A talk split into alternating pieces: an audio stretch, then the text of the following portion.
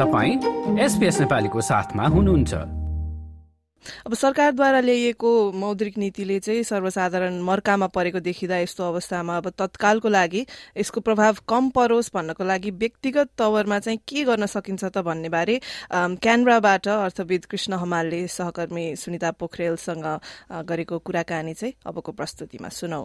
कृष्णजी सबैभन्दा सुरुमा त स्वागत छ एसपिएस नेपालीमा। अनि अब त्यही अब अहिले महँगी धेरै भयो महँगी धेरै भयो भन्ने कुरा सुनिन्छ। अब पछिल्लो तथ्याङ्कले पनि अब मानिसहरूको अब एउटा हाउस होल्डको सेभिङ चाहिँ सत्र वर्ष यताकै सबैभन्दा कम भएको भनेर तथ्याङ्क निकालेको छ होइन?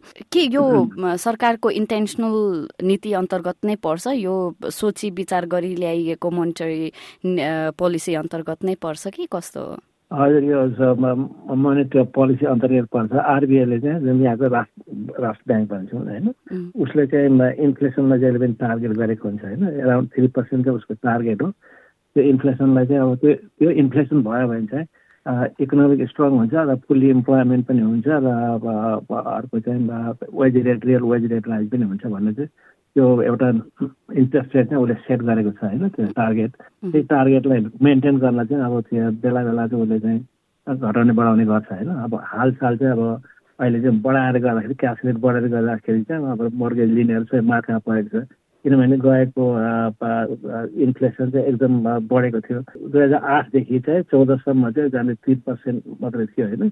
अहिले आएर चाहिँ हालमा चाहिँ आएर भनौँ न मार्च बाइसमा चाहिँ फाइभ पोइन्ट वान पर्सेन्ट बढ्दै बढ्दै गएर चाहिँ होइन? अब त्यो तपाईँको मार्चमा चाहिँ थ्री पोइन्ट सिक्स बढाएर अनि फेरि जुनमा फोर पोइन्ट वान बढायो त्यसलाई चलाएन सेप्टेम्बर चलाएन डिसेम्बरमा फोर पोइन्ट थ्री फाइभ राख्यो फेब्रुअरीमा पनि फेरि चलाएर फोर पोइन्ट थ्री फाइभ राख्यो। त्यसले गर्दाखेरि चाहिँ उता मर्गेजवालाहरूले ब्याङ्कवालाले त्यो क्यास रेटकोमा चाहिँ त्यो त्यो एउटा त्यो त्यो ऊ के एउटा बेसलाइन भयो त्यसको आधारमा झन्डै झन्डै भनौँ न सिक्स पोइन्ट सेभेन सेभेन या सिक्स पोइन्ट नाइन पर्सेन्ट त्यहाँदेखि सात पर्सेन्ट चाहिँ ब्याज तिर्न पनि मान्छेहरूले तिरिराखेका छन् होइन त्यसले गर्दाखेरि चाहिँ अब मार्का त अवश्य परेको छ। गभर्मेन्टले चाहिँ अब र आरबिआईले राष्ट्र ब्याङ्कले हेर्दाखेरि चाहिँ उसले इन्फ्लेसन कन्ट्रोल गर्नलाई गरेको हो होइन? तर मार्का चाहिँ धेरै ठुलो परेको छ। किनभने मान्छेले त ऋण लिँदाखेरि त तपाईँको फिक्स रेट झन्डै झन्डै two point two percent two पर्सेन्टमा पनि लिएको थियो होइन? त्यो वात्तै बढेको अहिले तपाईँको चाहिँ भन्न आठ आठ पर्सेन्ट सात पर्सेन्ट तिर्न पर्दाखेरि त ढाडै खुस्किन्छ नि त होइन? फ्यामिलीमा दुइटा इन्कम छैन भने त खतम भएर जान्छ। तर अब यसले यसले अब जस्तै एउटा सामान्य व्यक्तिले बुझ्ने हिसाबले भन्नु पर्दाखेरि अब यसरी इन्ट्रेस्ट रेट बढाउँदाखेरि मान्छेहरू अन्य आर्थिक गतिविधिहरू गर्न कम गरेर अलिकति पैसा अब घर चलाउनको लागि भए पनि ती अन्य एक्स्ट्रा खर्चहरूलाई चाहिँ कम गर्नेतर्फ जान्छन्। यसले झन् आर्थिक रूपले चलायमान हुनुपर्ने हो देशको अर्थतन्त्र। त्यसमा चाहिँ प्रभाव पर्छ कि पर्दैन? यसले कसरी हेल्प गर्छ इन्फ्लेसनलाई? अलिकति सजिलो भाषामा भन्नु पर्दाखेरि कसरी बुझाउनुहुन्छ? जनताहरूले आफ्नो हाउस होल्डले गर्ने खर्च सिधा इन्फ्लेसन चाहिँ होइन? तर अर्कोतिर चाहिँ हाम्रो गभर्मेन्टले त खर्च गरिरहेको हुन्छ नि इकोनोमिक बढाउनलाई है प्रोजेक्टहरू गरिरहेको हुन्छ। त्यस कारण यो चाहिँ अब त्यो इन्फ्लेसन टार्गेट मिट गर्नलाई त अलिकति त्यो तपाईँको त्यो स्लो इकोनोमिक चाहिँ स्लो भयो भने फेरि उसले चाहिँ आरबिआईले चाहिँ इन्ट्रेस्ट गराउनु परिहाल्छ नि। किन स्लो इकोनोमिक स्लो भन्ने बित्तिकै इन्फ्लेसन पनि कन्ट्रोल हुन जान्छ होइन। कन्ट्रोल हुने बित्तिकै त्यो अब डिमान्डै भएन भने त अब इन्फ्लेसन त गल्ती झर्ने भयो। त्यो झर्ने बित्तिकै फेरि आरबिआईले त इन्ट्रेस्ट क्यास रेट घटाउनु परिहाल्यो मर्गेज रेट घट्नु गइहाल्छ नि।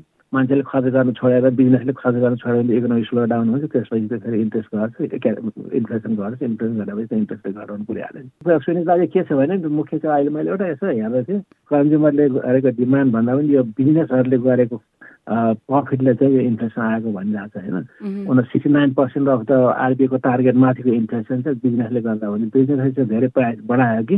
बढाइदियो। तर उसको बढाउनु पनि अलिकति त्यो त्यो हाम्रो सप्लाई चेनमा पनि अलिकति प्राइस बढेको थियो होइन? र लेबरको पनि अलिकति बढेको थियो। त्यो तर उसले त्योभन्दा पनि माथि बढाएकोले चाहिँ त्यसले त्यसको सामानहरू जस्तो महँगो भएर चाहिँ इन्फ्लेसन त्यो भएको पनि भन्छ।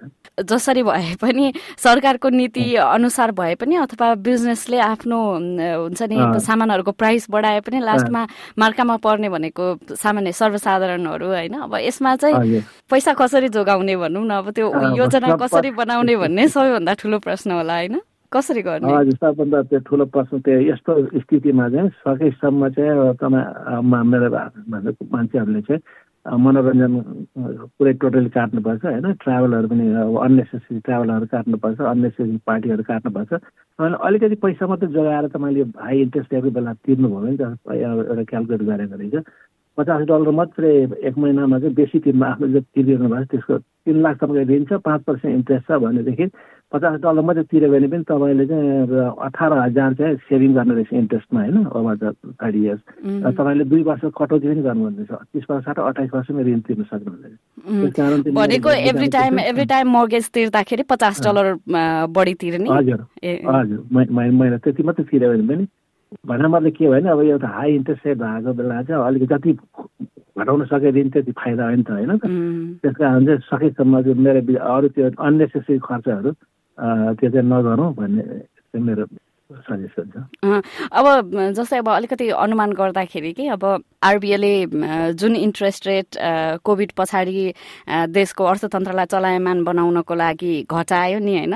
अब त्यो रेन्जमा चाहिँ कहिले पनि आउला कि नआउला त्यो त्यो अलिकति आशा राख्न सकिने ठाउँ छ कि छैन? त्यो त्यो रेन्जमा स्टिल हेर्दाखेरि त्यो रेन्जमा आएको पनि छैन बेला बेलामा अब अब अस्ट्रेलिया किनभने अब राम्रो भयो। बाहिर गएर इन्टरनेसनल डिमान्ड पनि अस्ट्रेलियाको प्रडक्टहरू धेरै डिमान्ड भयो भने चाहिँ त्यो त अब मेरो विचारमा आउन पनि सक्छ नआउने कुरै छैन। किनभने पहिले पहिले पनि त अब यस्तो यो यो इन्ट्रेस्ट रेट भएको त अब भन्नुहोस् न अब मेरो पालामा नाइन्टी वानमा आउँदाखेरि घर किन्दाखेरि सिक्सटिन पर्सेन्ट इन्ट्रेस्ट दिइरहेको थियो है? त्यति बेला। भनेपछि आउन आउँछ आउन सक्छ। किनभने इकोनोमी अलिक राम्रो वेल म्यानेजमेन्ट गऱ्यो भने त त्यो कुनै ठुलो कुरा होइन। अनि अब के मानिसहरूलाई अब हुन्छ नि अलिकति कामहरूको लागि पनि अलिक बढी पुस गर्नुपर्ने एउटा मात्रै कामले पर्याप्त नहुने हो कि अब सेभिङ मात्रै गरेर पनि त्यही अब हुन्छ नि आफ्नो दैनिक खर्चलाई अलिअलि कटौती गरेर पनि पुग्ने अवस्था छ। कस्तो देखिन्छ? मेरो विचारमा मान्छेले अब भएन अब स्पेसली नेपाली कम्युनिटीमा चाहिँ मैले देखेको चाहिँ मैले अर्को अरू पनि ठाउँमा पनि छ तर खास गरी म क्यानबाट सिडनीमा हेर्छु। नेपालीहरू पहिलोचोटि नै अलिकति जागिर पाउने बित्तिकै घर किन्ने सोख हुन्छ होइन घर किन्छ नाइन्टी पर्सेन्ट लोन लिएर होस् है।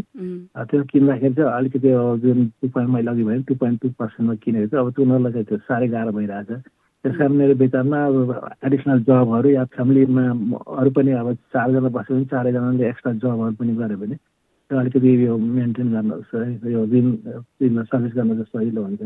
र मेरो विचारमा धेरै धेरै त पर्सेन्ट पर्दैन होला। सायद अर्को एक वर्षभित्र इन्ट्रेस्ट रेट अलिकति डलर जान सक्छ। त्यस कारण अहिले चाहिँ सक्दो चाहिँ अहिले चाहिँ आएको छ भने एक दुईवटा जब एक्स्ट्रा जब गर्न चाहिँ अब मेरो सजेसन छ। त्यो गर्नै पर्छ होला मेरो विचारमा।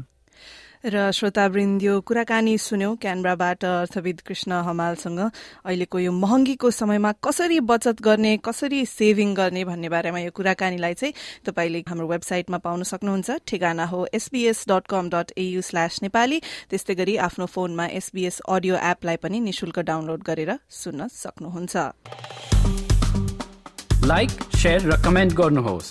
एसबीएस नेपालीलाई फेसबुकमा साथ दिनुहोस्।